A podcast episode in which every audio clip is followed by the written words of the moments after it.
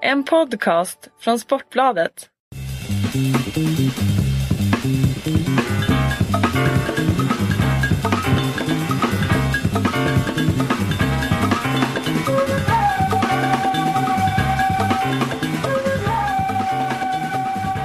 Ja, vi sitter här på ett hotell och har gömt oss lite. Karin Mattsson Weber, välkommen till podden eh, och eh, tack för att du tog dig tid mitt under SM-veckan. Tack så mycket. Och vi konstaterade just att nere i lobbyn kunde vi inte sitta för där var det värsta fredagsmyset. Det var bar och hak och häng. Ja, och jag tror att det är lite speciellt utifrån SM-veckan också i och med att eh, hotellet är ju en av partnerserna så att det är säkert därför det är extra mycket folk nu också. Ja, det är en folkfest, men vi har dragit oss undan för att prata idrottspolitik och stora viktiga frågor. Eh, det är också så att det är en epok i ditt liv och i Riksidrottsförbundets eh, tid som, som närmar sig ett slut. Eh, I maj så avgår du som Riksidrottsförbundets ordförande. Har du börjat eh, se slutet? Ja, men det har jag. Det, det, eh, det är länge sedan jag bestämde mig så att det känns ganska långt borta och sådär. Men sen så har det blivit så kan man säga sen i höstas. Så att det är ganska många saker som händer. Man gör det en gång per år. Nordiskt idrottsmöte en gång per år, Idrottsgala, Almedalen. Och då blir det väldigt påtagligt nu att ja, det är en massa saker som, det här gör jag sista gången. Eh, och nu är det ju fyra månader kvar så det är ju verkligen upploppet. Vad kommer du sakna mest? Är det liksom röda mattan med kungligheter på eh, Idrottsgalan eller är det någonting annat? Jag, jag tror att det är eh, mixen faktiskt. Därför att det, det, som är så speciellt med, med idrottsrörelsen är ju att vi har ju kontaktytor mot precis alla delar av samhället och hela landet. Och, och jag tror att det är en av de sakerna som, som jag verkligen känner att eh, ja, det har berikat så otroligt mycket och jag har lärt mig så mycket av det och sådär. Så att jag tror att det är den här, idrotten är ju verkligen ute i samhällets kapillärer och på alla ja, nivåer i fånigt ord, men, men alla delar av samhället på det viset. Och det, är det verkligen varit en förmån. Och sen är det ju människorna, det går ju inte att komma ifrån det. Alltså att få, att få liksom ha ett sånt här uppdrag med någonting som verkligen ja, nästan ingen är likgiltig inför. Det är, ju en, det, det, är klart det finns de som inte gillar idrott och så, men det är väldigt de är få och det är ännu färre som är likgiltiga. De flesta är så intresserade. Och det, det, det får man nog aldrig uppleva igen. Stöter du på det, någon som inte är intresserad eh, av någon idrott? För det finns ju sådana som kanske liksom inte alls gillar fotboll och inte förstår att man ska springa efter en boll. Det finns andra som, som ogillar andra sporter. Men har jag stött på någon som har varit totalt ointresserad av idrott? Ja, det, det har jag nog gjort, men de har varit lätt räknade. Jag kommer inte på någon, men det har jag gjort. Men det som däremot händer lite då och då, det är att jag kan träffa på någon i ja, något sammanhang och säga nej men jag håller inte på med idrott och jag är inte idrottsintresserad. Och sen när man pratar lite så kryper det fram att de gillar att titta jättemycket på en viss idrott eller att de eh, ja, men de ändå eh, liksom ägnar sig åt någon form av, av idrott men de nästan inte själva tänker på det. Så att, eh, men, men framförallt som underhållningsvärde är ju, är ju ja, i stort sett alla roade av idrott. Och nu är, är det slutet av din period. Vad, vad, eh, känner du just nu? Är det mest de, de mest, och kanske då inför Riksidrottsstämman där i, i vår, vad, vad, är de största frågorna? Det som du känner i alla fall och prioriterar som de största frågorna?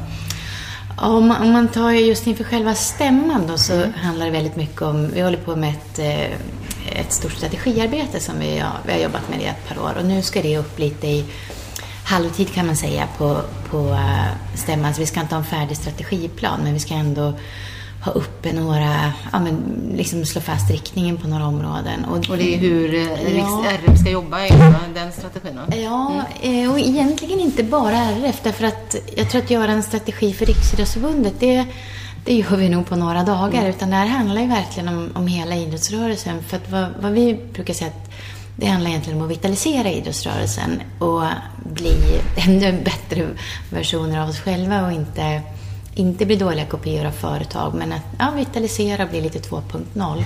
Och det handlar ju jättemycket om att fort, fortsatt vara lika attraktiva som idrottsrörelsen har varit innan och ställa oss frågan på vilket sätt vill, vill barn och ungdomar och vuxna också Eh, träna och idrotta och tävla framöver? Och hur vill man engagera sig framöver? Hur vill man vara delaktig i beslutsfattande och demokrati och sådär? Därför att vi behöver, vi har otroligt mycket bra att stå på, men vi behöver också lite mer tillmötesgå hur människor eh, lever idag. Så det, det, där känns jätteviktigt tycker jag. Är det, är det som privata eh, alternativ där som, som har slagit ut en bereda breda föreningen eller, eller för, föreningskulturen? Eller vad är det som gör att man, att, att man behöver göra detta strategiarbetet? Ja, inte slaget ut skulle jag säga, men det är en helt annan konkurrens från privata alternativ idag jämfört med vad det var bara för för 15 år sedan. Och jag menar, vi har ju inte monopol på idrott, har aldrig haft och ska inte ha. Men vi har kanske inte varit vana den konkurrensen riktigt. Och idag är det också väldigt många mer som ja, tränar i egen regi, man gör det helt själva. Och det, det måste ju vi leva med, att man kan välja något annat. Men det är ju däremot, tycker jag, inte att vi ska acceptera att man väljer att, att idrotta någon annanstans om man hellre skulle vilja gjort det i en förening, bara de hade haft den verksamheten. Och då finns det bland annat en eh, dansk forskare som har tittat på det här i Danmark och tittat på tonåringar och tror han fokuserade mest på tjejer och konstaterade att många av de som tränar, kanske framförallt i helt egen regi, skulle hellre ha gjort det hos en förening om den verksamheten fanns. Och då måste ju vi titta på oss själva. Och jag tror att det handlar väldigt mycket om att vara lite flexiblare i formerna. Därför att idag kan det vara ganska svårt att börja med en idrott som tonåring. Nu pratar jag ju väldigt generellt, det är mm, naturligtvis mm. väldigt, väldigt olika beroende på idrott. Men det kan vara, kan vara ganska svårt att börja om man är tonåring. Eller skifta om. Eller kanske fortsätta vara med och, och träna och tävla i en förening men göra det med lite lägre ambitionsnivå kanske. Eller mm. sådär. Och, och här, det här tror jag vi har rätt mycket att göra när det gäller flexibilitet och så. För att människor är inte lika benägna att att knyta upp sig för en termin eller ett år, att man ska träna på exakt de tiderna, de veckodagarna och så. Men Delvis måste det ju vara så, annars funkar ju inte, funkar ju inte viss idrottsverksamhet. Så det handlar inte om att kasta ut det gamla, byta ut det helt, men att ändå i varje varje idrott eller varje förening fundera på hur, hur skulle vi utifrån våra förutsättningar kunna göra för att lite bättre tillmötesgå och fånga upp Men är det, är det liksom egentligen äh, traditionella sporter? Jag menar lagsporterna måste du kanske ha på ett visst sätt eller är det mer att man ska få in så gymverksamhet och den formen kanske av liksom an, an, andra idrotter som inte traditionellt finns så mycket i föreningarna. Är det utbudet eller är det mer tillgängligheten eller är det mer att just det här är du inte bra på något när du är 14-15 så är det väldigt svårt att komma in någonstans för, för då har liksom de flesta kommit till någon form av lite mer elitsatsning. Ja, dels det. Eller om, om du känner att du vill fortsätta. Du är inte jättebra men du vill fortsätta mm. när du är 14. Men med lägre intensitet mm. och då kan det vara väldigt svårt och sådär. Så att egentligen skulle jag säga att mångfalden är ju rätt så stor. Vi är 70 förbund som medlemmar mm. och det är ungefär ja, någonstans 250 grenar. Så att det, det finns ju en otrolig mångfald och verkligen en, en idrott för alla. Det gäller bara att komma i kontakt med den. Så jag, jag skulle inte säga att det egentligen är det, även om vi måste fortsätta vara öppna också. Utan jag skulle nog säga att det handlar mer om, om formerna. Att en, en bärande del i, i det här strategiarbetet det är ju att man ska ja, idrotta hela livet. Att verkligen kunna, kunna helst, om man vill det, idrotta i en förening hela livet. Så det är mycket tillgänglighet kan man säga. Strategiarbete låter som att man måste ha mycket tålamod när man mm. jobbar, för det är inte snabba förändringar. Vad, vad ser du att, eh, att de här förändringarna ska komma någonstans? Alltså inom vilken tidsram och, och kommer i, svenska idrottsrörelsen se annorlunda ut om tio år?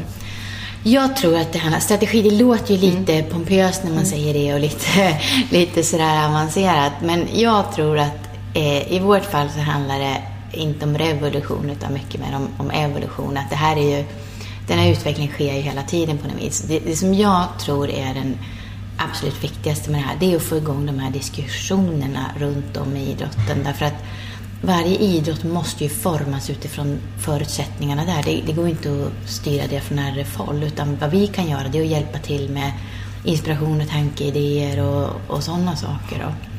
Så, att, så det handlar egentligen mer om att liksom inspirera och få igång ett tankesätt och ett strukturerat arbete med att titta in i framtiden och fundera på hur- de trender som finns i omvärlden och som vi ju faktiskt inte kan, kan göra något åt. Och vi kan inte styra demografi och urbanisering och, och att det finns en helt annan konkurrens om fritidsaktiviteter. Det finns ju mycket mer att fylla tiden med. Det styr ju inte vi. Det måste vi ju Det är inte så att RF kan konkurrera ut iPhonen för ungdomar eller? Eh, Nej, vi, vi kommer inte att prova.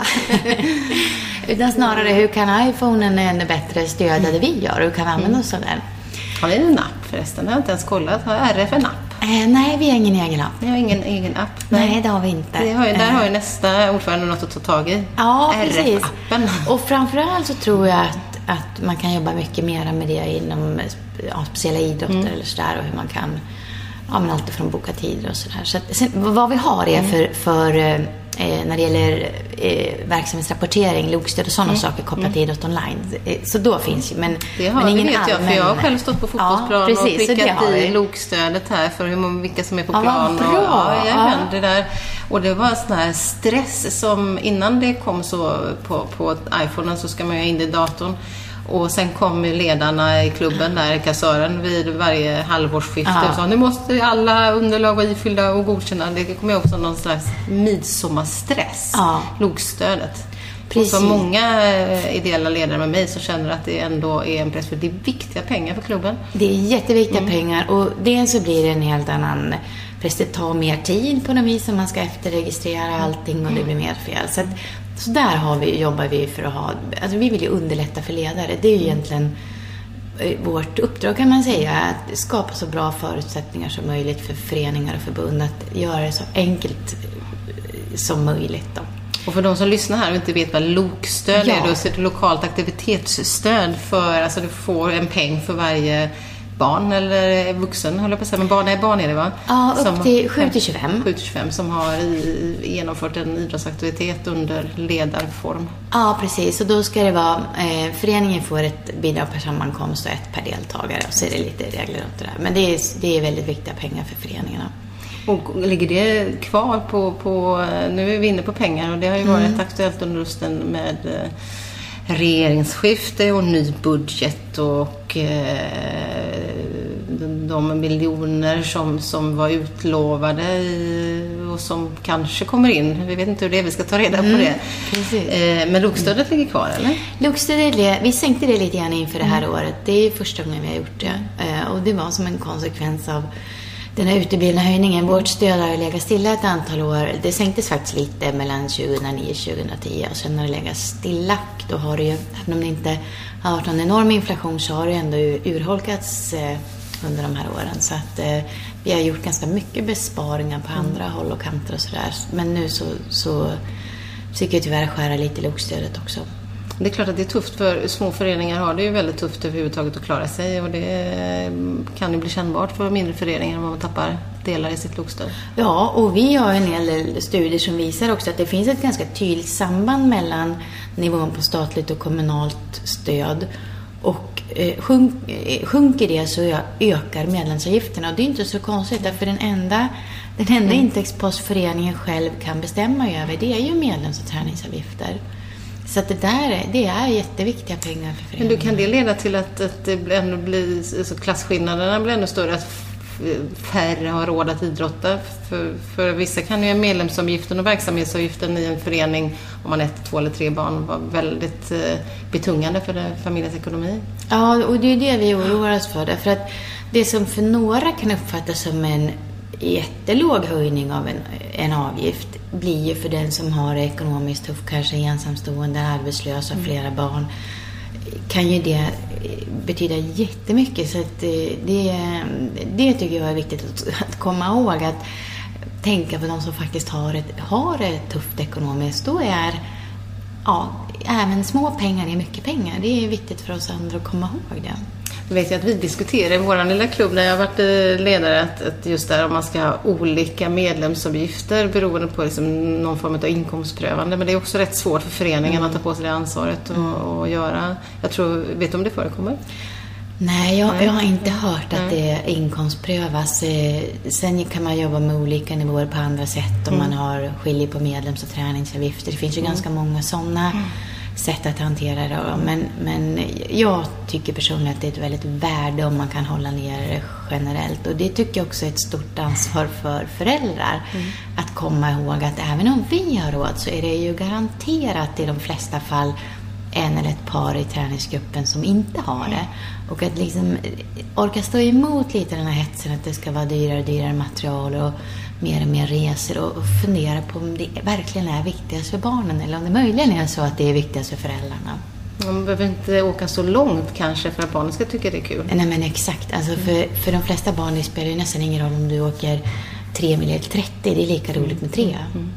Ja, och det går ju att hyra billiga lokaler och nära ha träningsläger där och inte åka. Ja, ja för risken är ju också annars att det blir en sån apparat med föreningen och träningen att då kostar det mycket, då ska det samlas in pengar till det och så tar det mycket tid i anspråk och, och så blir det där ett hjul som snurrar fortare och fortare. Och jag tror att vi har ett behov av att komma tillbaka till att göra det så enkelt som möjligt att vara med i en förening och att det inte behöver ta så otroligt mycket, mycket tid.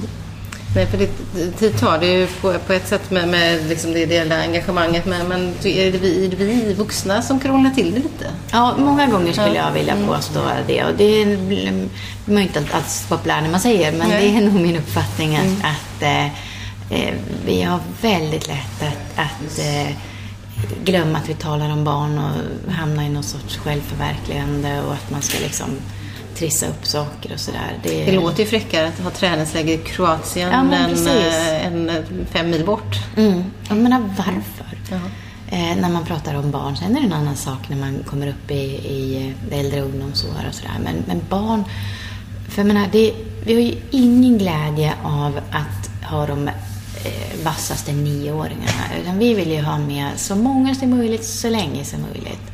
Därför att jag är helt övertygad om att om man säger, kör vi för hårt med barnen för tidigt så är risken större att fler slutar. Och då även ur ett elitperspektiv är det verkligen inte bra. Därför att eh, vi behöver ju det som har varit grunden, skulle jag säga, till att Sverige ändå är så framgångsrikt i så många idrotter internationellt sett. Det tror jag är att vi har inte tappat talanger för att idrotten har varit svårtillgänglig, eh, dyr eller sådär. Utan vi har ju kunnat haft med dem. Och det där, det är någonting för oss att, att vara rädda om tycker jag. Mm. Du, då är vi inne på det där med, med barn och ungdom och tidig elitsatsning som också varit en fråga som, som du har engagerat dig mycket i. Eh, eh, och det finns mycket som är bra men, men, en problematik som har lyfts fram är just den här unga elitsatsningen. Eh, hur ser du, var, var, är vi någonstans i svensk idrott idag? Är det, tycker du att det är för tidig elitsatsning eh, på många håll? Jag skulle ändå säga på de flesta håll inte, men det finns ju en del hårresande exempel. Det, det jag tycker blir besvärligt när man diskuterar den frågan. Dels blir det väldigt mycket begreppsförvirring, men sen blir det också så otroligt svart eller vitt. Därför att ibland blir det så att om, om man vill diskutera den frågan, då är man helt plötsligt emot elitsatsning eller emot att barn skulle få hålla på mycket. Och det är ju inte det det handlar om. Men man, man måste liksom ställa sig frågan, för vem skulle gör man det och gör vi det för barnets bästa och sådär. Och då tror jag att det är viktigt att komma ihåg att det kan aldrig vara ett huvudsyfte vilka kupper man vinner när man är 12. För det, det kan aldrig vara det som är huvudsyftet utan som vuxen har vi ett ansvar att ha lite längre perspektiv tycker jag och, och att, att eh, barnen är med så länge som möjligt. Och sen är det ju den här diskussionen med eh, det, det finns ju en del som verkligen på fullt allvar tror att de kan se vilka sjuåringar som kommer att bli mm. bäst. Det är fascinerande Det finns fotbollsagenter som kan se det väldigt tidigt till exempel. Ja, men jag menar det. Och, och det man ser för det mm. första är ju ofta tidig mognad. Mm. Eh, det ser man ju om man tittar på, på ganska många högsta serierna så är det en överrepresentation av de som är födda första halvåret mm. och det är ju omöjligt att all talang kommer då. Ja, den. Är all ganska... talang efter, efter juni så är det stort på talang. Ja. Så kan det inte vara. Nej, den är högst troligt mm. ganska jämnt fördelad över året. Och sen är det ju så mycket mer som avgör om man når elit. Det är ju inte bara talang, vad det nu är, utan det är ju motivation, mental mm. styrka, att, att man håller ihop i kroppen, att man vill. Så det är ju så otroligt mycket som avgör om man sen når den yppersta eliten. Och det är därför jag, jag bara menar att jag tror att det även ur ett elitperspektiv är, är direkt negativt att, att eh, jaga runt dem för tidigt. Det, och det här tycker jag vi måste ta ett ansvar för som vuxna. Är det ledare eller föräldrar tror du som, som eh, driver det här mest? Ja, nu det, låter det lätt som att man klagar på föräldrarna, för de är ju helt nödvändiga för oss och de flesta är ju fantastiska. Men jag skulle önska i föreningar ibland, för, för ofta är det ju så att det är ju någon eller ett fåtal som är de här som jagar på. Men de andra skulle behöva orka hålla emot lite mer. Mm. Så om man ser det i sin klubb så ska man våga säga ja, men... stopp, vi har en röd tråd här i den här klubben. Ja, men precis. Och, och samma på ledarsidan så tycker jag ju att det är viktigt att föreningen ska ha en idé om hur man ser på det här. Det ska ju inte vara utlämnas och lägga det ansvaret på varje enskild ledare utan det är viktigt att föreningen har en idé om, om sin verksamhet och vilken policy man har kring de här sakerna och sådär. Eh, och då tror jag att många ledare också skulle få ett bättre stöd att orka stå emot om de upplever tryck från föräldrarna. Så, så jag tycker det här är viktigt. Och, och, eh, och att inte det här får oss till att man skulle vara emot tävling, för man har tävling en helt naturlig del av idrotten. Mm. Och när idrotten är som bäst, då lär man sig att både vinna och förlora på ett bra sätt. För det, så ser idrotten ut och så ser livet ut. Och det är viktigt att ha med sig. Så tävlingsmomentet på ett lekfullt sätt från, från när man är liten, men det är inte egentligen det du menar, det är liksom hur mycket man gör det och, och kraven på, på liksom... Ja, för menar, tävla det älskar ju de allra mm. flesta barn. De tävlar med allt, liksom, först till dörren och först mm. hit och blankast häst och allt vad det nu är. Blankast häst, ja, det blir. Ja, det är där har man blank. både varit med och tävlat i och organiserat. Man bara ta grova borsten och sen får man ta eh, den här med, vad heter det, som man drar? Ja, ryckborste och skrapa. Ryckborste och skrapa. Så det Blankast hästtävlingen, den har jag inte ja, varit med på. Ja, det finns mycket ja. bra tävlingar. Men jag menar, barnen älskar ju att tävla. Det är ju inte det. Vårt ansvar som vuxna, det är att se till att den här tävlingsglädjen finns kvar och att inte skapa prestationsångest. Mm. För det är det vi tyvärr är lite duktiga på ibland. Mm. Och sen så blir det väl en tidig specialisering också som gör att man kanske är plocka bort talanger som på sikt kanske skulle passa bäst i en annan idrott och mått bäst i en annan idrott för att man gör den här tidiga specialiseringen inom många idrotter som blir året runt idrotten nu för tiden. Ja, och det är ju en del som höjer varningens finger nu på att många är för, för dåligt tränade när de börjar komma upp i äldre junioråldern och inte dåligt tränade, otränade, men för ensidigt tränade och då blir man istället skadebenägen. Mm. Så att jag tror att den här allsidiga träningen, den är verkligen viktig att föredra. Och sen är det klart att det finns idrotter där du måste träna väldigt mycket tidigt om du ska bli bra och sådär. Men de flesta är ju ändå inte sådana att du måste specialisera allt för tidigt. Och det finns en del bra exempel i, eh, jag tror att det är Hälsingland eller om det är Gästrikland, så har fotbollen och hockeyn kommit överens i distriktet om upp till en viss ålder, jag tror att det är 12, så ska man, eller om det är 14 till och med, så så ska man, eh, inget barn ska behöva välja mellan fotboll och hockey utan man ska hantera det där mm. så att de kan hålla på med båda delarna. Så det finns ju mängder med möjligheter att göra bra överenskommelser så att, att barn kan hålla på med flera idrotter. Men jag tror att det, vi ska, det, det, är svårt att styra sånt uppifrån för det blir för fyrkantigt utan det är viktigt att vi stimulerar så att man kan göra, hitta bra sätt lokalt.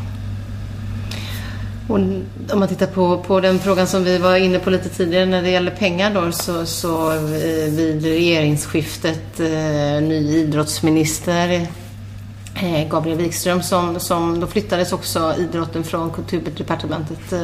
Tycker du att det var bra för idrotten att hamna under hälso och sjukvård, heter det va?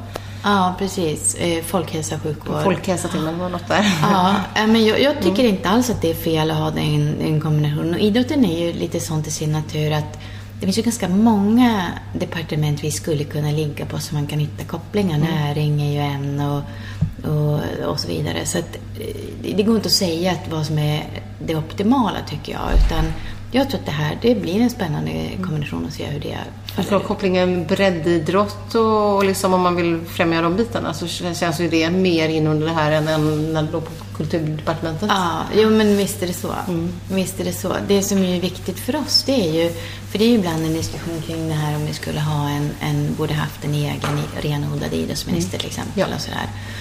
Och, och för det första så finns det ju ingen minister förutom kanske finansministern som är, utan alla andra har ju en portfölj. Så jag, det, det är så, tycker jag att det är lite, vore lite orealistiskt att tro det. Och sen tycker ju jag att det viktiga är ju vad ska den här ministern göra? Och från vår horisont så är det ju viktigast att det finns, att idrottsfrågorna ligger i en bra portfölj och att det är en stark minister som som ser till att idrotten blir en angelägenhet på regeringens bord och som samverkar med andra berörda ministrar. Och det är Gabriel Wikström som är ung och mm. kommer från ungdomspolitiken då inom socialdemokratin. Är han en stark minister? Ja, det, eh, jag tror att han kommer att vara det. Eh, vi har haft en väldigt bra, väldigt bra samtal med honom hittills, så det känns jättebra så här långt. Sen är det alltid handling som räknas. Ja. Eh, men det som också var bra är att på samma dag som Idrottsgalan, här 19 februari, mm. då hade vi besök på Riksidrottsstyrelsens sammanträde av statsministern och idrottsministern. Och då var Stefan Löfven väldigt tydlig med att, att han vill att idrottsfrågorna ska liksom lyftas upp i, ur regeringens synvinkel och vara var liksom tydligare på den politiska agendan. Och det, det tycker vi är bra. Och då lovade han också att de här, är det 240? Eh, ja, eh, 300 hade vi äskat, 272 hade de lovat. 272 uh. miljoner hade de lovat. Det är också pengar som han mer eller mindre utlovade under mandatperioden där, eller? Ja, och det har även eh, Gabriel Wikström sagt mm. under hela tiden. Och, och då vill vi, vi ska göra allt vi kan för att det ska bli så tidigt det bara går under mandatperioden. Personligen så det, det, vi har jobbat i flera år för att, för att få till en höjning och jag var enormt besviken i, i oktober när budgeten kom. Och för mig, jag drivs ju just nu väldigt mycket av att liksom lämna efter mig så bra som möjligt till min efterträdare och styrelse och kansli. Så att jag Eh, det känns du vill ha de pengarna, du vill casha in ja, dem nu. Jag hade velat liksom att vi fick det där på plats så att ja. de inte behövde mm. lägga så mycket krut på det. Så att jag ska göra allt jag kan. Det är ju trots allt en vårbudget här så vi ska göra allt vi kan för att försöka få det där på plats. Det skulle vara jättekul att att min efterträdare inte behöver liksom lägga lika mycket krut på det som vi har gjort. Nu. Men är tanken nu att de ska komma successivt under den perioden eller är det ett, eh, är det ett, för det inte ett årligt, eller är det ett årligt anslag? Ja, vi får ett årligt anslag, så det var ju årligen då. Det årliga eh, anslaget, Men om de, om de eh, nu kommer vi att äska lite drygt 300 miljoner här. Vi lämnar in ett budgetäskande första mars varje mm. år. Så det, det gör vi årligen då som en del i den här processen. Och då vi, vi, har ju ingen aning om, och det är jag inte så säker på att regeringen vet heller ännu, om man tänker ta allt i en klump, vilket ju vi hoppas, eller om man tänker trappa upp det. Mm. Och när ni får de pengarna till er sen så har ni en fördelning klar givetvis som ni haft tidigare? Ja, inte, inte helt exakt Nej. klar, men vi har ju vissa idéer om hur vi vill använda det. Och en sån är ju såklart att äh, återställa elitstödet, mm. Som vi fick skära i här för några år sedan. Så vi har ju vi har lagt ner vår tidning, vi har minskat personalen med 20 personer ungefär. Så, så vi har gjort, vi valde verkligen den vägen att vi ska städa framför vår egen dörr först och inte börja ta med det vi fördelar ut. Mm.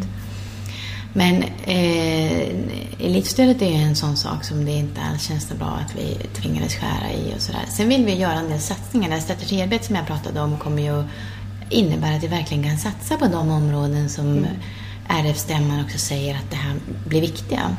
Så det vill vi också känna att vi kan göra.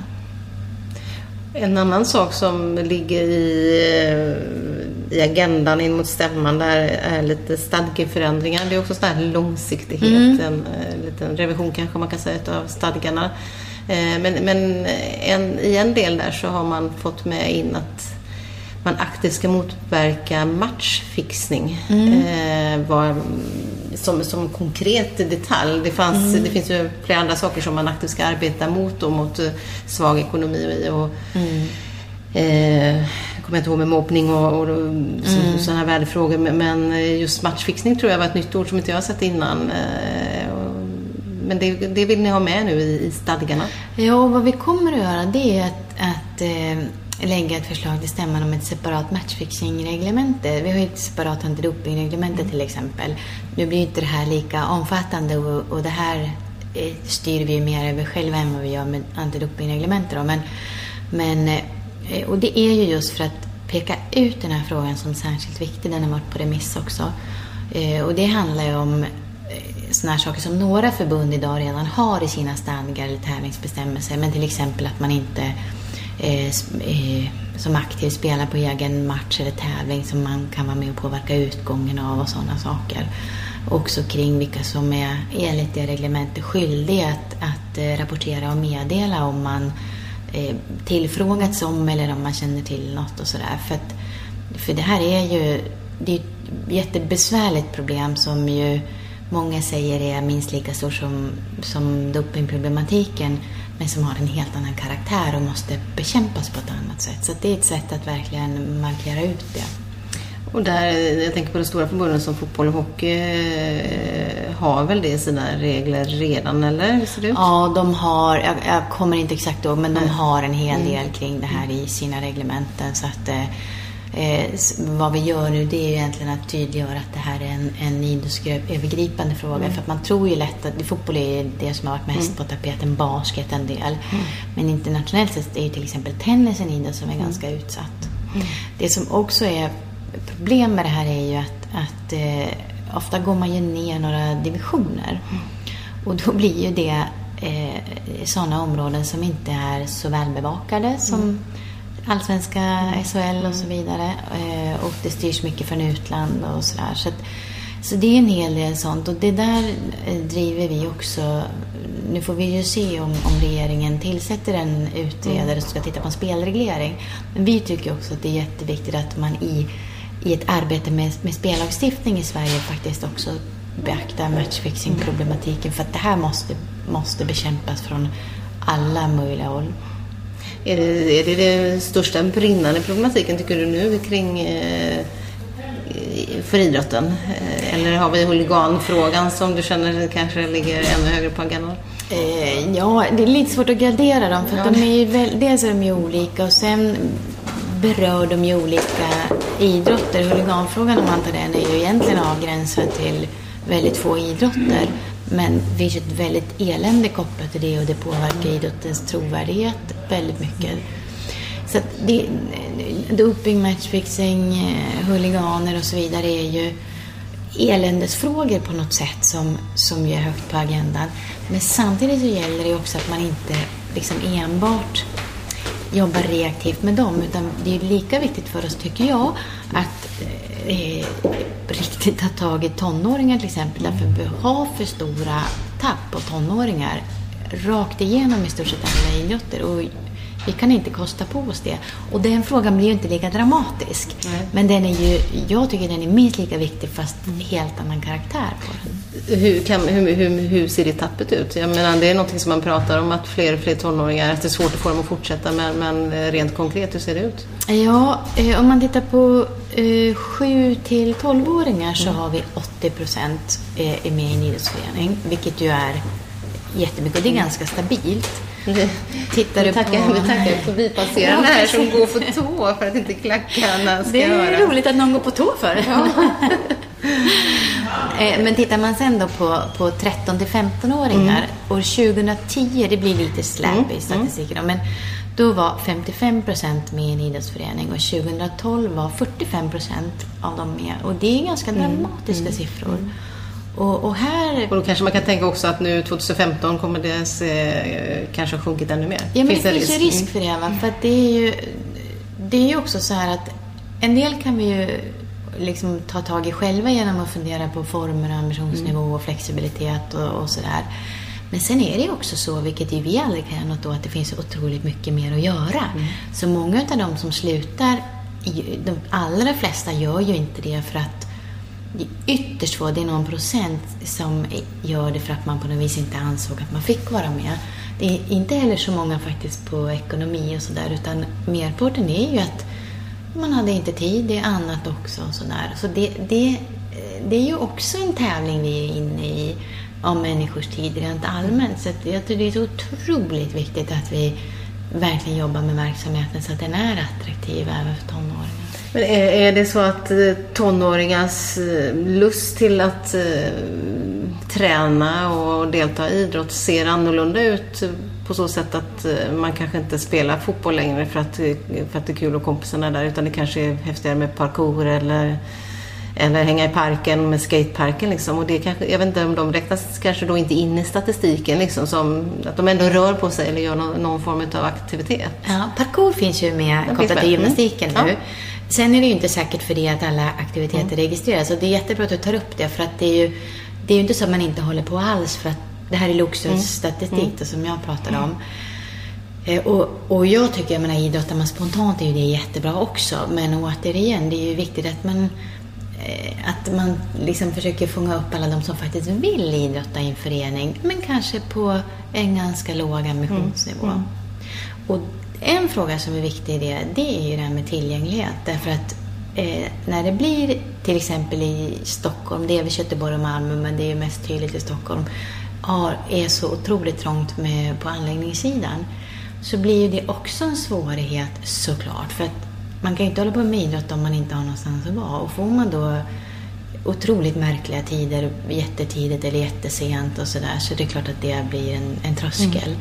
Så därför jobbar vi mycket också med anläggningar och tillgänglighet, att det måste vara så enkelt som möjligt att vara med i, i idrotten. Och föreningarna, det är ju en väldig belastning på ledare om de ska läggas allt för stor del av sin tid på att jaga in halvtider och ha logistikövningar över halva stan för att hitta någonstans att vara och sådär.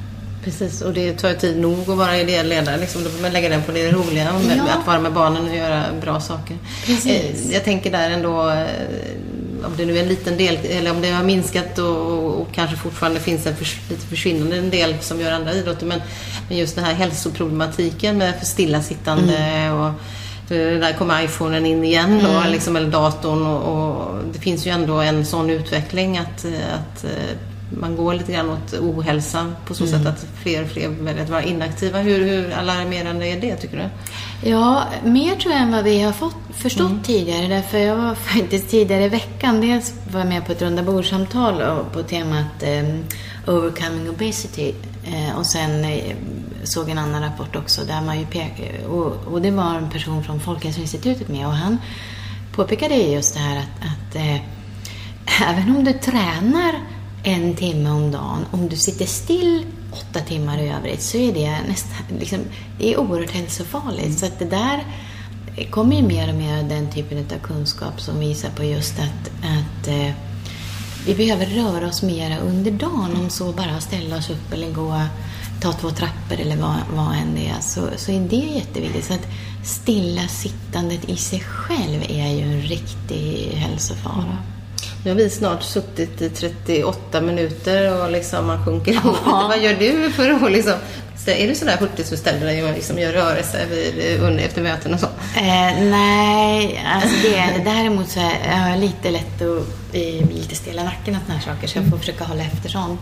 Men det, alltså det är vi ju för dåliga på när det blir långa möten och sådär. Där, däremot så eh, gillar jag att gå. Jag är utomhusmänniska också, jag tycker om att vara ute, så jag försöker verkligen i den mån jag kan att ja, gå till, till och från mötena och att man får det här lite naturligt på, på dagen, få lite frisk luft, få röra sig lite och sådär. Det är inte något avancerat, men det är just det där att man ändå får igång systemet. Ja, på något precis, man går igång sig lite. Jo, men det är skönt. Mm. Ja, jag tycker det. Och det är skönt för huvudet också, inte, inte bara för kroppen utan man får rensa luften lite så. Mm.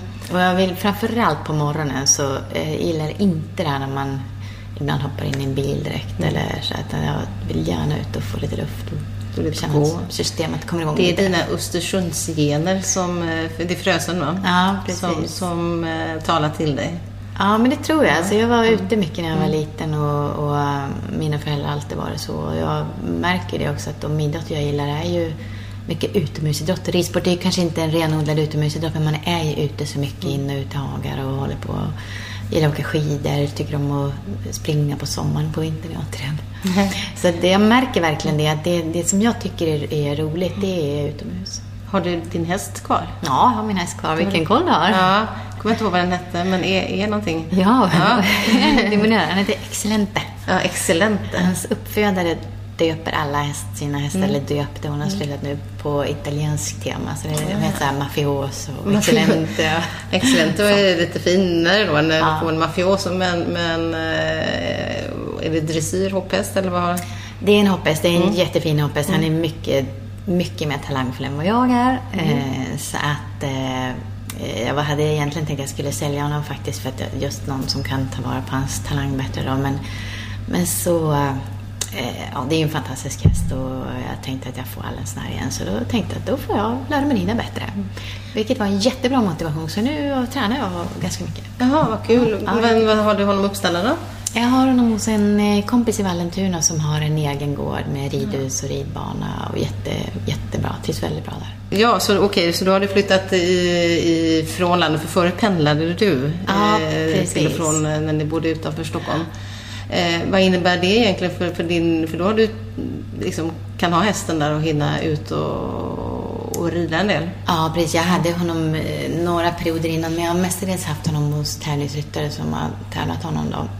Men nu rider jag, eh, ja, beror lite på vad jag gör och så här, men en fyra dagar i veckan i alla fall. Så det är jätte... det är. Ja, det är, jag tycker... Får vi se dig på tävlingsbanan här framöver? Du kanske redan har varit ute och tävlat? Nej, har inte det. Jag har inte tävlat på 20 år. Så att, är det eh, dags. Nu kliver du av här i maj. har du hela sommarsäsongen på dig ut och eh, tävla ju. Ja, det tycker Marie, Mm. min tränare också. Så att jag funderar på, man kanske, man vet aldrig, det kanske blir ett par vita ridbyxor. Ja, vad snyggt. Och så dyker du upp där bara på någon, på Ja. någon eh, tävling i Stockholm. Så vi får hålla utkik alla ni som är ute då på... Du kanske helst vill liksom komma för kläderna och inte... Ja, nej då, nej, inte alls. Utan det är mer att jag känner att eh, eh, om jag ska tävla så jag vill liksom känna att jag har tiden och, och sådär. Så att, eh, jag har väl inte varit så inne på det tidigare, men nu när jag har tränat lite mer för tränare och kommit igång så känner jag att ah, men det skulle kanske inte vara fel ändå. Det bor en liten tävlingsmänniska kanske inom dig också. Jag har lite, inte sådär att jag, absolut inte att jag måste vinna i allt och tävla i FIM-knuff och, och sådär. Det, det är jag inte. Men eh, mer sådär att om jag, verkligen har bestämt mig för någonting, då kan jag vara riktigt målinriktad. Men jag är inte sån här som måste, måste sätta tävlingsmål för att kunna motivera mig. Utan jag har ganska bra liksom, både självdisciplin och förmåga. Och, utifrån vad jag tycker är roligt eller vill så eh, ja, jag är ganska bra på att motivera mig utifrån det.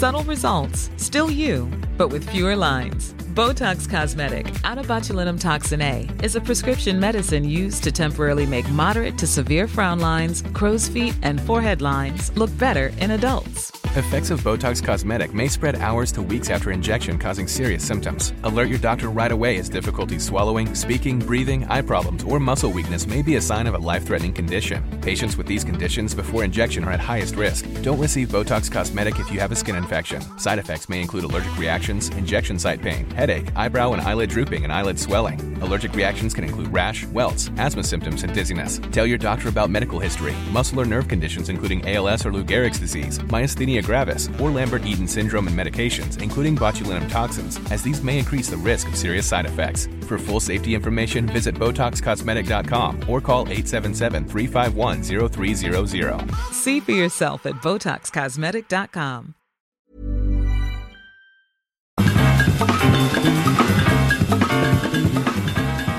Vad har du för andra planer? För nu, det har varit en lång period, en tioårsperiod, som, som du har varit fullt upptagen. Och jag har ibland tänkt att hur, hur kan du hålla koll på alla dessa frågor? För du kommer ofta ihåg statistik och, och studier hänvisar till.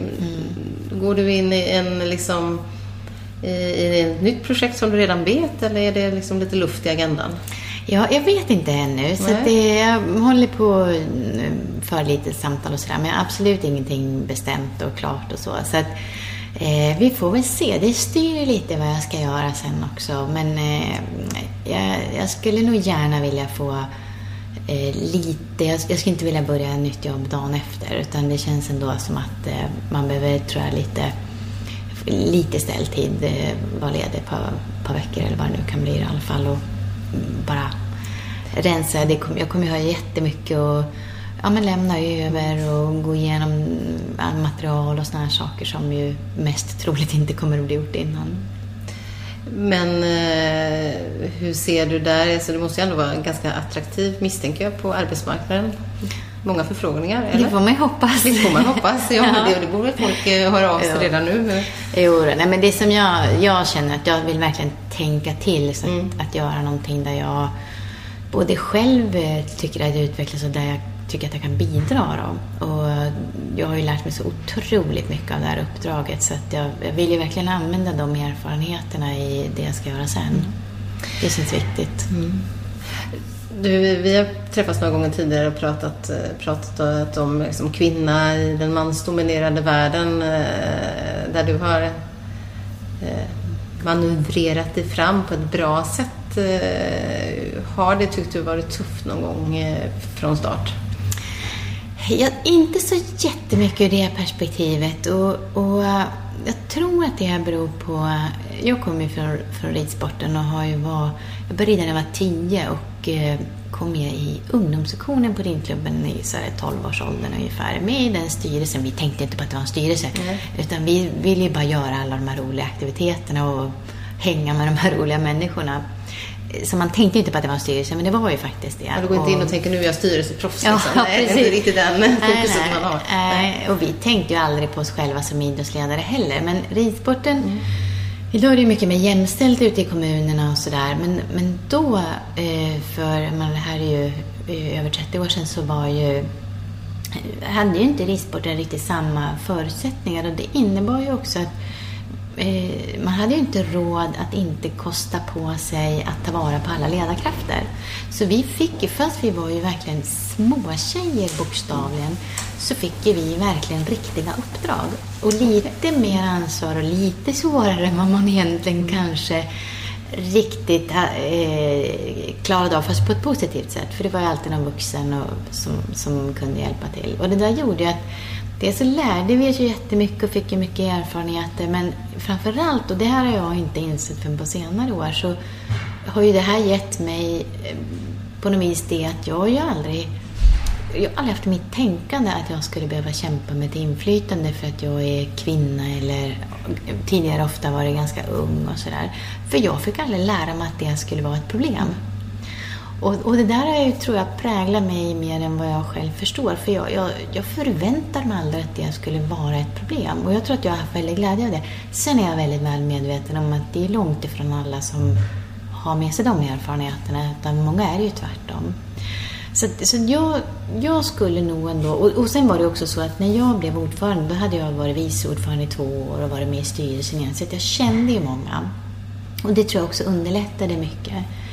Så att summa summarum, det är klart att jag har stött på eh, personer med en dålig attityd eller som kanske är mer vanligt då att, att eh, ja, de verkligen, man känner att de verkligen inte tror att man nästan är kapabel till någonting. Ibland undrar man ju om de tror att jag klarar av att betala räkningar själv. Ja. Men, men det är, jag vill ändå mm. säga att det är undantag. Utan det, det var det väldigt, väldigt lite sånt. Men när du har känt att du har hamnat i de situationerna, när du har känt av att den här personen liksom, tror verkligen inte att jag hanterar mm. det här. Hur, vad händer inombords då? Jag, jag bestämde mig ganska tidigt och det gäller inte bara det utan andra frågor också. Så är det det att det som jag mår sämst av det är när jag liksom blir, man hamnar i situationer man går och ältar lite sen varför sa jag inte till eller varför mm. gjorde jag inte det? Så att jag har bestämt mig för att direkt antingen äh, liksom det där släpper jag, bryr mig inte om. Eller så tycker jag att det är värt att ta tag i. Och då för, brukar jag försöka prata med den personen på lämpligt sätt. Har du och, gjort det? Ja, ja, ja. Eh, det har jag gjort. Och ofta, men det är ju sällan någon gör eller säger någonting av illvilja utan ofta är det obetänksamhet, okunskap mm. och sådär. Så att jag försöker tänka att ja, men jag har en liten utbildningsuppdrag här att bara hjälpa den att mm. förstå att det där var kanske inte så lyckat eller det kan uppfattas så här. Men då kan man själv också sen släppa det där och gå vidare. För det värsta som finns tycker jag, det är att gå runt och bara åh, jag borde ha sagt det, mm. eller det där var... Mm. För då går man och eldar upp sig lite grann och det är inget bra. Utan antingen släppa det eller ta tag i det på, på bästa sätt. Och då, för jag tycker också att det finns ju mycket system och strukturer och sånt som behöver verkligen ändras och utvecklas för, för att få en bättre jämställdhet. Och det är ju inte bara idrotten utan det är ju alla delar av samhället. Och det måste vi verkligen jobba med, det som är på strukturplanet. Men vi har också alla ett ansvar att i sådana här situationer så försöka tänka att om jag pratar med den här personen då är det förmodligen någon annan kvinna sen som slipper hamna i det mm. där. Och det tror jag är väldigt viktigt, att vi kan inte bara sen gå och knyta näven i fickan och klaga för varandra och vad den där är dum i huvudet eller det är bedrövligt mm. och sådär. Utan vi måste också, när situationen uppstår, göra någonting där och då. För annars så tror jag aldrig vi kommer att liksom komma riktigt framåt med jämställdhetsarbetet. Men ändå rätt cool att det är liksom du, eller cool ska jag inte säga, men, men eh, kanske för att det är Sverige delvis också, att, det, att Gunilla Lindberg sitter i SOK och eh, jobbar väldigt framträdande internationellt och att du har suttit eh, som ordförande. Eh, är det mm, vilket ingen heller tycker är något konstigt egentligen. Men, men, men, men är det, eh, tror du, en, eh, ett resultat av att Sverige ändå kommit ganska långt, liksom, och framförallt idrotten då, när det gäller jämställdhetssynen? Ja, men det tror jag. Och nu, lyssnarna ser ju inte det, men vår generalsekreterare har gått förbi här också när vi sitter och mm. hon är också kvinna. Mm. Så att, hon har tassat att, förbi. Ja, hon har tassat också förbi. Eh, så att, så, men visst är det så. Alltså, mm. man är ju en del av sitt mm. sammanhang på något sätt. Och det som jag hoppas, det är ju att många andra, inte minst unga tjejer, ska känna så här när de ser mig. Ja, men kan hon så kan jag. Mm. Att man ska liksom tycka att det här verkar kul, att det inte verkar något... Ja, men att känna sig inspirerad. Men kan hon, då kan jag också. Men du har aldrig upplevt att du är ensam? För det är ju mycket flängande och hotellboenden och liksom resor och så. Nej, alltså på den delen så är jag ganska... Ja, men jag är lite introvert också ja. och sådär och har ett visst behov av att vara, vara ensam och sådär. Och resor det använder jag mycket till att jobba och använda tiden så. Då. Men, så att jag är inte så generellt sett, jag skulle inte säga att det aldrig har hänt, men, men generellt sett så är inte jag så, jag lider inte så mycket av det utan eh, jag, jag, tycker också att det är ganska skönt att vara lite för mig själv ibland. Och sen känner jag faktiskt inte heller att jag har känt mig så ensam när det gäller svåra frågor och beslutsfattande heller, utan jag har ändå några runt mig som jag jobbar nära ihop med och försöker att involvera så att man inte heller sätter sig i en situation där man man blir ensam med alla svåra beslut. Det, så jag, jag, jag, nej, jag skulle inte kunna säga det. Vad bra. Tio år av ensamhet hade inte varit kul. Nej, det hade varit förfärligt. Det hade nog inte blivit tio år då, eller? Nej, nej så kan det vara. Så summa summarum skulle jag nog jag ändå säga att eh, jag, men också RF, har nog haft ganska stor glädje av det. För att jag har ju haft helt andra möjligheter till ja, uppmärksamhet, om man säger så, då, än vad min företrädare hade till exempel, eftersom jag har stuckit ut på ett annat sätt. Så, att, så jag skulle ju verkligen säga att fördelarna har övervägt nackdelarna. Så du menar att eh, bara för att du är den du är, eller för att du är kvinna? Ja, för att jag är kvinna. Ja. Och första kvinnan mm. och, mm. och, lite yngre, kommer från en annan idrott mm. än vad som har varit traditionellt och sådär, så, så har jag ju ett mönster där. Ja, ja och mm. det sticker ju ut på ett mm. annat sätt. Mm. Eh, så det, jag har ju fått tillträde till mycket och fått mer utrymme än jag tror kanske att jag hade fått annars. Kan du vara konkret där? Kan du ge ett exempel på vad du tror att du har fått tillträde där du inte skulle fått det som? Nej, men jag tänker mer så lite allmänt efter, efter att jag blev vald till exempel mm. så var ju det lite stökig mm. period innan där och det fick ju mycket medial uppmärksamhet och det där gjorde ju att Många blev ju då ändå ganska nyfiken på vad, vad var det här egentligen och vem är hon och sådär. Så jag har ju fått möjlighet att företräda RF Ja, men det kan vara i näringslivet med andra mm. organisationer, hålla föredrag och berättat om vad vi gör och, och sådana saker som, som inte jag är säker på att jag hade fått lika lätt annars. Mm. Så det är inget speciellt nej, sådär, men, men mer att ja, det blev uppmärksammat mm. på ett sätt mm. som, som eh, gjorde att många blev nyfikna. Och det har ju jag haft glädje av och RF också. Hur skulle du beskriva din relation med Stefan Lindeberg som är SOKs ordförande? Jo, men den är, den är bra. Vi har jobbat på den. jobbat på den? Ja. Men vi, hade ju, eh, vi har ju haft några riktiga uppgörelser, han och jag och sådär. Men eh, dels så eh, gjorde regeringen för ett antal år sedan om så man tog bort den här speciella öronmärkningen mm. som gick till SOK. Och varför det var ganska viktigt var för att idrottsanslaget var ju fast en fast summa och då blev det ju en intern konkurrens inom ramen för det som inte var bra för idrotten. För hälften av idrotterna är ju inte olympiska. Så det är mycket tydligare vem som har ansvar för att äska pengar och sen fördela dem nu. Och det gjorde ju också att då är förutsättningarna klarare. Och sen så gjorde ja, fast det är till fördel för RF om man säger så. Ja, fast det har ju blivit också till fördel för SOK. Mm. Vi höjde anslaget lite mm. grann då. Mm. Så, att, eh, så de har ju också varit nöjda med, mm. med det.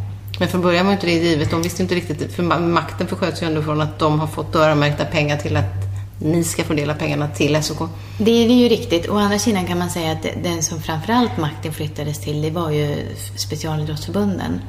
Därför att vi, vi vill ju att våra medlemmar ska kunna ställa oss, alltså mig och Riksidrottsstyrelsen, till svars för helst alla beslut vi tar, inklusive ekonomiska prioriteringar på årsmötet. Och lite kan man säga att vi kunde skylla på staten innan också. Eh, när de öronmärkte pengar. Så att egentligen skulle jag ju säga att det, det har blivit mer en makt till förbunden, vilket är bra. Men, men sen gjorde vi också den här gemensamma elitsatsningen som kom till här för, det var väl, åren går ju så fort här, eh, 2010 som, eh, där vi lyckades fondera pengar och, och Eh, lägga in elitsatsning som var gemensam för oss, SOK och eh, Handikappidrottsförbundet. Och det där gjorde också att vi eh, blev tvungna i positiv bemärkelse att jobba igenom ett antal saker tillsammans. Så det här har ju varit bra, men framförallt skulle jag säga eh, vårt arbete med att titta på en eventuell OS-ansökan 2022, där vi jobbade tillsammans. Så att... Eh, så... Där, där var ni tvungna att jobba tätt och tätt? Ja, och, mm. och, eh, vi ville ju det. Det var ju SOK som mm. kom med initiativ, men vi jobbar tillsammans mm. mot förbunden och sådär. Och det är alltid väldigt bra när man har gemensamma mål och mm. gemensamma projekt att jobba med, för då, då jobbar man ju på ett helt annat sätt. Så att, men har det varit frostigt egentligen, liksom rent personligt mellan dig och Stefan? Eh, ja, man får försöka skilja på person och sak, mm. men det är klart att vi var ju väldigt långt ifrån varandra i, i ett antal frågor. Eh, det är ju ingen snack om den saken. Det var ju verkligen inför öppen ridå också. Eh, vilket är tråkigt, men jag tror ändå att det var nödvändigt. Men idag så vi ses med lite jämna mellanrum och pratar och har ju lite haft de här projekten ihop och får vi se vad det blir nu då med 2026 så att det kan ändå fortsätta. Så jag tycker ändå det känns bra. Sen kan vi samarbeta mycket mera men det är en väldigt bra början när vi har kommit en bit. Men det fanns en period när ni nästan inte pratade med varandra, eller? Jo, pratade gjorde ja, vi, men inte, men inte...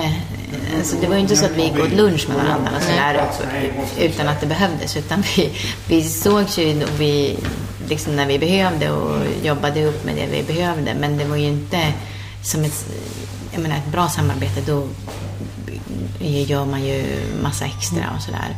Men där känns det som att vi har, vi har verkligen eh, kommit en bra bit på väg. Men har du känt dig motarbetad utav honom? Nej, han har säkert känt sig det av mig också. Ja, så det är mer, vi, vi hade ju väldigt olika uppfattningar om några mm. saker och kom inte runt det. Så att det, eh, det var nog mer ömsesidigt i så fall. Men, men återigen, alltså det, man får ju verkligen alltid försöka skilja på, på sak och person. Och. Kunde du göra det även, det var ju en ackrediteringsfråga där i Peking-OS ja. där du inte fick akkreditering till exempel. Var, var, det inte, var det lätt att inte ta det personligt? Eh, ja, personligt tog jag det inte att det Nej. var riktat mot mig personligen. Men jag var ju otroligt, det var ju riktat mot den här rollen mm. och det störde mig mm. ju jättemycket. Mm. Så jag menar, jag skulle ljuga om jag sa att jag är människa. Ja, det, det, är klart. Och är inte helt befriad från temperament heller. Så Nej. det är klart inte. Nej, det framstår alltid som väldigt lugn även ja. Fast man kan märka när det är någonting som engagerar i frågorna så, så blir du lite mer stringent, tror ja. jag. Jag har noterat. Eh, så, men det blir vi alla i olika former. Mm.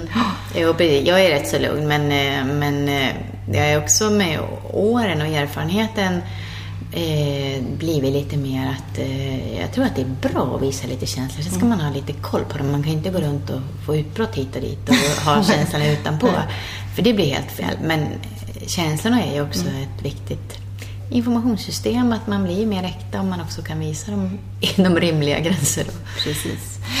Och du, röda mattan, det är ju i alla fall en idrottsgala per år. Mm. Eh, och du har blivit eskorterad av eh, prins Carl Philip nu senast och tidigare också. Mm. Eh, och din före detta man och Henrik då och Carl Philip har väl studerat ihop va? Ja, precis. De läste ANRP ihop.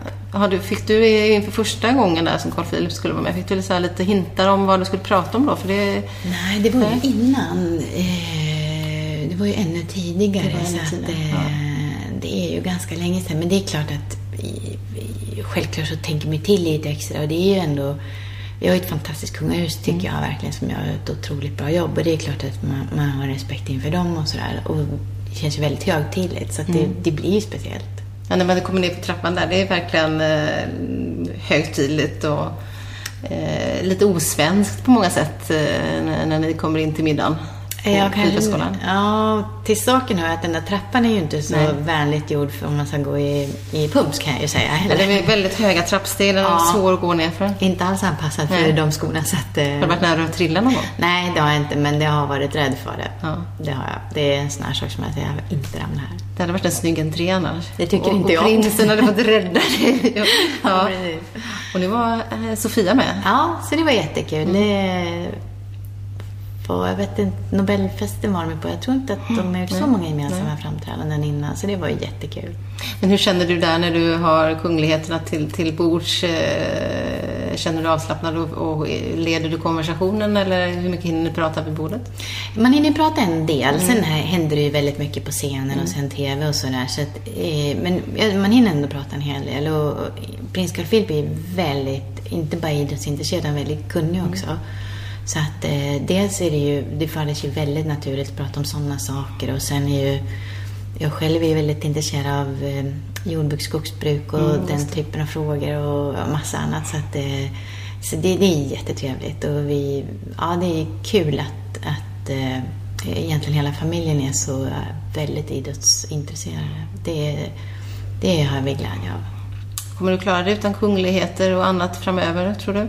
Ja, jag Ja, får måste. hoppas. ja, Det kommer väl vara en man som efterträdare, för jag, om inte det tillkommit nu någon de sista veckorna här i december, så, eh, eller innan, jag tror att sista inlämningsansökan var 31 december, så, så är det män som, som eh, är nominerade, va? Mm, fem män, Fem män, är ja. nominerade. Mm. Eh, Har du, nej du får inte säga en huvudkandidat. Nej, jag Nej. känner så här att det där, det är ju... Och bäste man vinna. Ja, lite, så. Nej, det där är ju, känner jag, nog en fråga jag inte ska lägga mig i så mycket. Utan, jag menar, eh, det är ju förbunden som röstar. De kommer per definition att, välja rätt. Men det blir klart att det blir en man i alla fall nu. Ja, det gör det. Det är, alltså, det är klart att det inget hindrar ju att det kommer in en, en kandidat. Det kan det göra nu också, men, men eh, inget pekar ju på det vad jag vet i alla fall. Men, vi får väl se då. Det är, det är några månader kvar innan vi vet. Och hur gör du där? Har du en stor avskedsbaluns eller hur, hur gör du? Eller liksom bara låter du det... Nej, jag har inte tänkt så långt än faktiskt. Det Kanske har- andra som ska fixa det åt dig? Eh, ja, men det tror jag. Alltså jag har faktiskt inte tänkt på det. Eh, det. Det känns ju en bit bort tror jag. Eh, just nu är det... Eh, just nu så känns det så himla mycket grejer som ja, vill på plats och jobba så långt som möjligt med och sådär. Så att, eh, jag tänker inte så mycket på den där helgen ännu. Nej. Du slutligen där, eh, om du tittar två år framåt, eh, vad, vad tror du är den, kommer vara den brinnande frågan för, för Riksidrottsförbundet? Jag tror att det kommer att vara, det kanske låter väldigt tråkigt, men jag tror att det kommer att vara ganska mycket samma frågor. Vi kommer att behöva fortsätta jobba med tillgänglighetsfrågan mycket. Vi kommer att behöva stötta ledarförsörjningen. Vi kommer alltid att få kriga för finansieringen. Eh, vi jobbar ju väldigt, vi är ju egentligen ingen idrottsorganisation utan mer en idrottsstödsorganisation. Så att vi har ingen egen idrott överhuvudtaget utan vi ska ju skapa bästa möjliga förutsättningar för föreningar och förbund. Så att den riktiga idrottsutvecklingen ska ju ligga i, i förbund och föreningar. Och, och då tror jag att det är, på förutsättningsområdet så är det väldigt mycket. Det är pengar, det gör det enklare för ledare, det är eh, skatteregler, det är tillgänglighet och anläggningar. Den typen av frågor. Eh, Så jag jag tror det kommer att vara väldigt stora frågor även framöver. Vad har varit den största motgången för dig? Om man tänker alltså motgång, inte personligt utan liksom i frågan och ställningen under de här åren. Eh, ja, det, jag, jag är... Just nu så jag vill jag få till det här med finansieringen. Men, men över tid, över tioårsperioden så har ju finansieringen ändå utvecklats väldigt bra. Men jag, jag tycker att det är två frågor som vi har jobbat mycket med, men inte... Vi kommer liksom inte riktigt i mål. Och det ena är skattesidan, en moderniserad lagstiftning på några områden när det gäller idrottsföreningar och ja, inkomstskatten bland annat. Även eh, rent för enskilda idrottsutövare. Ja, inte så Inte mycket det kanske. nej. Nej, utan det är mera kring vilken typ av finansieringsverksamhet, alltså näringsverksamhet kan en förening bedriva eh, som har eh, hävdanknuten eller naturlig anknytning. Det, det är lite för omodernt formulerat idag. Det blir väldigt oklart för föreningarna. Eh, och, och ett antal sådana här, mm, Skatteverket vill eh, ringa in det, det de kallar professionell idrott och tycker att det ska beskattas som vilken näringsverksamhet som helst. Det kommer bli jättebesvärligt för föreningarna att skilja det här åt till exempel.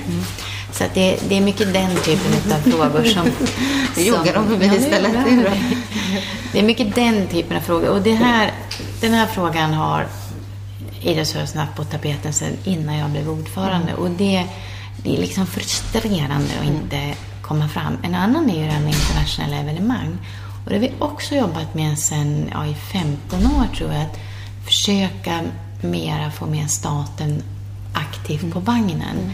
I att, att eh, inte bara säga att internationella mästerskap i Sverige är viktigt, för det gör alla, men att också kunna vara med och aktivt stödja. Och det är också en sån här fråga, alla håller med från dag ett och vi har inte kommit överdrivet långt. Det är otroligt irriterande. Vad är du mest stolt över då? Eh, Jag är stolt över, men jag är stolt över många saker. Jag är stolt över att jag tycker vi har jobbat upp en mycket bättre dialog med våra förbund. Den- var ganska obefintlig när jag tillträdde.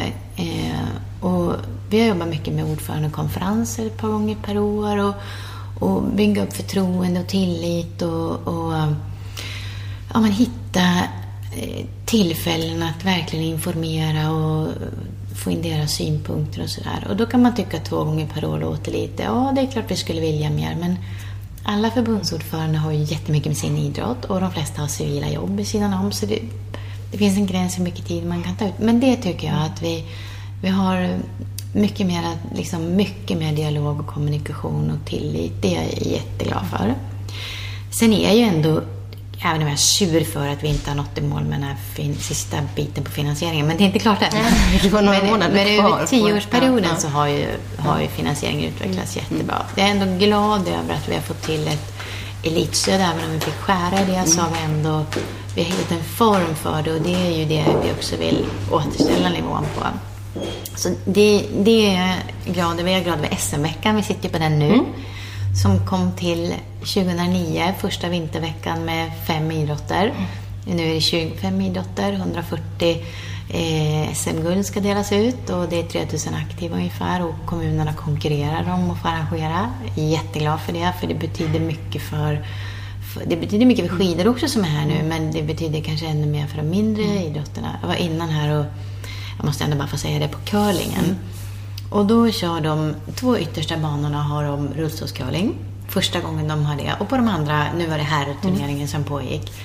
Och, och det tycker jag är så himla härligt att se hur de, de har fått ihop det där. Och då, alla tre, både dam, herr och, och rullstol, finalen sänds i TV på, på söndag och sådär. Så det, det är jätteroligt. Det är också sånt som jag är stolt över. Det blir faktiskt en SM-fest för alla de som håller på att komma på, liksom, att sträva, inte bara fira sitt, eller ha sitt lilla SM i en enskild liten ort. Nej, precis. Utan nu är det, och det är lättillgängligt och de kommer att nå en publik som inte skulle ha åkt iväg och tittat men som nu då kommer att titta och sådär. Så att det, alltså det, det är jag också jätteglad för. Bra, då hade vi eh, fina minnen. Eh, då får vi passa på att tacka dig redan nu då för, för den här Ja. perioden. Ska bli spännande att se resultatlistorna från hästtävlingarna i sommar och Ja. var du landar någonstans. Tack Precis. Karin för att du tog dig tid. Tusen tack för att jag fick vara med.